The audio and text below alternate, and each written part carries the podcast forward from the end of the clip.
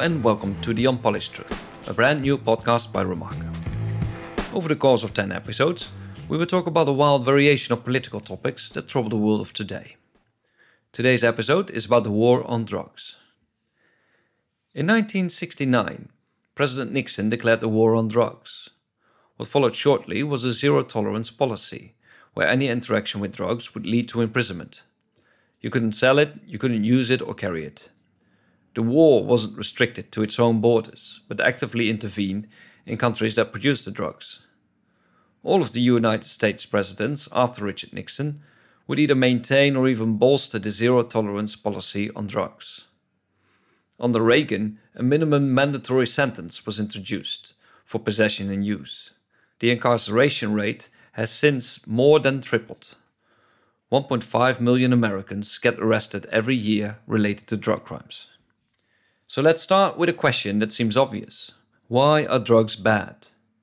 The research that would form the basis of our views on drugs and addiction took place in the 1960s. Rats would be dosed with opiums for a period of time. Once addicted, they'll be given a choice between food and water or the drug. Many rats would kill themselves, preferring the opium over nutrition. If humans would act similarly to rats, they would, once addicted, no longer be able to make productive choices in life. Herein lies the justification for the state to intervene. It would be heartless not to. Without intervention, you would surely die. In the late 70s, a Canadian professor in psychology recreated the previous experiment. He would house rats in small, isolated cages, but simultaneously he would build a large plywood box filled with cans and boxes for the rats to play in. It was a social rat paradise that was named Rat Park. Both the isolated rats and the rats in the park would receive equal doses of morphine. The researchers observed how their behavior would be affected by the addiction. The rats in isolation would behave exactly like their experiments a decade before total and complete self destruction. However, the rats in Rat Park would resist the drugs as much as they could. They would go through withdrawal periods together and fight their urge at every opportunity.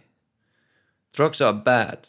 The experiment on which this action was based had actually not so much researched the devastating effects of drugs, but the devastating effects of social isolation. Now, to be fair, rats aren't the same as people, and morphine isn't the same as crystal meth. The experiment doesn't show us that drugs are good or harmless. Instead, it shows us that the environment is a crucial ingredient in the problematic stages of addiction. The incarceration of drug users is probably the most counterproductive measure you could take. In 2008, after 30 years of study, there was finally hard data on the effectiveness of the war on drugs. The report stated that criminalizing addicts leads to four times more hardcore drug use. Additionally, being tough on drugs had made it more obtainable and cheaper. Surely the $50 billion spent annually on the war on drugs could be put to better use. Drugs aren't bad, addiction is bad. These are two different things. It is totally conceivable to use drugs responsibly and without any negative consequence. Teaching your children that drugs are awful is the dumbest thing you could do. They would use it anyway and discover that drugs are fantastic. Rather teach them the risk of addiction. Rather teach them how to deal with isolation and how to see value in their lives. But I'm getting ahead of myself. So, how should we regulate drugs? The Netherlands is known for its lenient ways of dealing with marijuana. You are allowed to buy it, carry it, and smoke it, but you may not grow it for production. You can own five plants per household. However, they formulated it differently on the website of the Dutch police agency. If you have less than six plants and you're willing to part with it, you will lose your plants, but you will not be prosecuted. If you refuse to part with your plants, then they will take them away anyway, but you will be prosecuted. I guess there's a choice somewhere in there. So, if you cannot grow it en masse, where does the stuff come from? Most of it is being imported. A Spanish friend of mine asked a coffee shop where they found this quality product and it was answered to him that they imported from Spain. Some of it is grown illegally in attics or hidden in fields with crops without the farmers knowing. It's a weird construction where you leave the mafia in control of distribution. It hasn't been legalized. Officially, it's an agreement in which police and prosecution will not make soft drugs a priority. The result is rather interesting though. In the Netherlands, you generally start smoking weed between the age 18 and 22. However, if you still smoke at the age of 28, then that's considered a little bit tragic. One of my Serbian friends remarked casually on his visit to Holland that everyone here seems to smoke unless they are Dutch. So take a guess which of the drugs is the most harmful to society. Roll the drums, the correct answer is alcohol. Not only is it by far the most popular drug, the effects of alcohol cause more harm to others than any other drug. Alcohol is a factor in 40% of violent crimes. Furthermore, alcohol manifests itself in traffic accidents, birth complications, and as a cause of diseases. According to the World Health Organization, 5% of all illness and injuries can be contributed to alcohol. In 2012, out of all death causes in the world, nearly 6% died related to alcohol use. This while the second contender, heroin, only does half as much damage to others. To put that further into perspective, by far the most collateral harm done by heroin are related to drug crime. Would heroin be legal, the harm done to others would drop even more. It is strange how we are unwilling to make drugs legal while at the same time defend the right to use alcohol with tooth and nail. I would argue that you can't have it both ways, but so far apparently you absolutely can. The argument against legalizing drugs basically comes down to this. If we make cocaine more commonly available, people use it as if it was alcohol. It is honestly pretty hard to predict how people will respond to legalization of drugs. It's an experiment that we rarely run in general. Laws have the tendency to become more strict. Rarely we do get rid of rules because we don't trust the population knows how to self govern.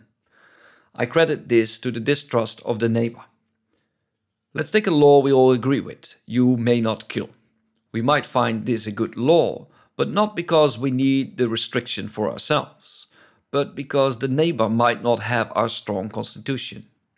The irony here is that the neighbor believes the very same thing. It's the basis of distrust towards each other that keeps a law in place. Yet there are many things that are dangerous or destructive for which we have no laws. Alcohol is one thing, but we do have laws against drunk driving. We haven't established a reliable way of monitoring sleepiness while driving. There is a way of monitoring the total time you keep your eyelids closed, but that's highly impractical to measure and would require cameras installed in your car. Fatigue is no joke, though. It puts you in a similar state as being drunk. The few studies conducted estimate that between 9 and 10% of accidents are related to fatigue. We accept the risk because we didn't find a reliable way of measuring sleepiness. So, should we legalize drugs? Dependent on the drugs, I would say absolutely. If it poses no harm to others, and less harm to yourself than tobacco, it's a no brainer. Every drug is potentially harmful, but to some extent it's a personal choice. Some people choose to become a rally driver, others deep fry all their food, and some smoke a pack of cigarettes a day. To some degree, we accept personal responsibility in risk assessment. Party drugs like LSD, MDMA, or magic mushrooms are all across the board less harmful than cigarettes, less addicting also, and less side effects to your surroundings.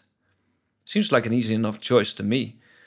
The current definition of hard and soft drugs is rubbish, and it's dangerously stigmatizing. A mother telling her kids that they are no longer welcome at home if they use drugs while she's smoking a cigarette is simply unreal. It is kept alive by an overly simple characterization of what drugs really are. But what about the heavy hitters? Think of crystal meth, heroin, or crack. A critique you could have on marking out alcohol as the most harmful drug is based on it being legal. If you would make crystal meth legal, who is to say that the use and popularity would stay the same? And what would be the consequence of crystal meth becoming increasingly popular? To make a risk assessment, I think you need to consider that there are three groups of people in a society The first is the group who would never use drugs, regardless of his legal status. The second group will affect the statistic most. They will use drugs when they are legal and they won't if they are illegal. For them, legalization of highly addictive drugs will pose a risk. It's a question of values. Is personal freedom more important than the increase in usage of a dangerous substance? It is a very real problem. We see the grief alcohol addiction can pose on a person and those close to him. Could we really justify offering something as vicious addictive as crystal meth? Probably not. Then there is a group that will use drugs regardless if it is legal or not. For this group, legalization would be of great benefit. The quality of the drugs would be much better, and they wouldn't be dependent on dodgy suppliers. Plus, if cocaine would be legal, perhaps that would prevent them of moving on to a more harmful drug. In any case, putting drug users in jail is never a good idea. If they are addicts, they need to go to specialized care. If they are casual users, they did no harm to anyone. I remember seeing a Netflix series on Pablo Escobar called Narcos. In the introduction, the narrating voice burns yuppies for using cocaine. He goes, If only they realized how much blood was on their hands.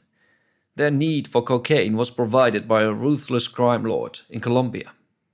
It makes for a good beginning of a show, but it's a strange reasoning. If you want the bloodshed to stop, why don't you end the war on drugs? You can keep the $50 billion a year and invest it in healthcare. You can use the taxes of legal distribution of drugs and provide adequate care for addicts. You can put a stop to the imprisonment of 4.5% of your population. It seems like a no brainer to me. Thank you for listening. Please let me know what you think. Maybe you find all drugs should be accessible, or maybe you find the opiates that doctors prescribe a bigger threat than the illegal drugs. Maybe you find all drugs should be accessible, or maybe you find the opiates doctors prescribe as a bigger threat than illegal drugs ever will be. Either way, let me know on the Facebook post of Remarker, which you can find on facebook.com slash remarker, and search for the topic of this podcast. The subject of the next episode is propaganda, where we'll find out how endlessly manipulatable people really are. I hope to see you there. Ciao.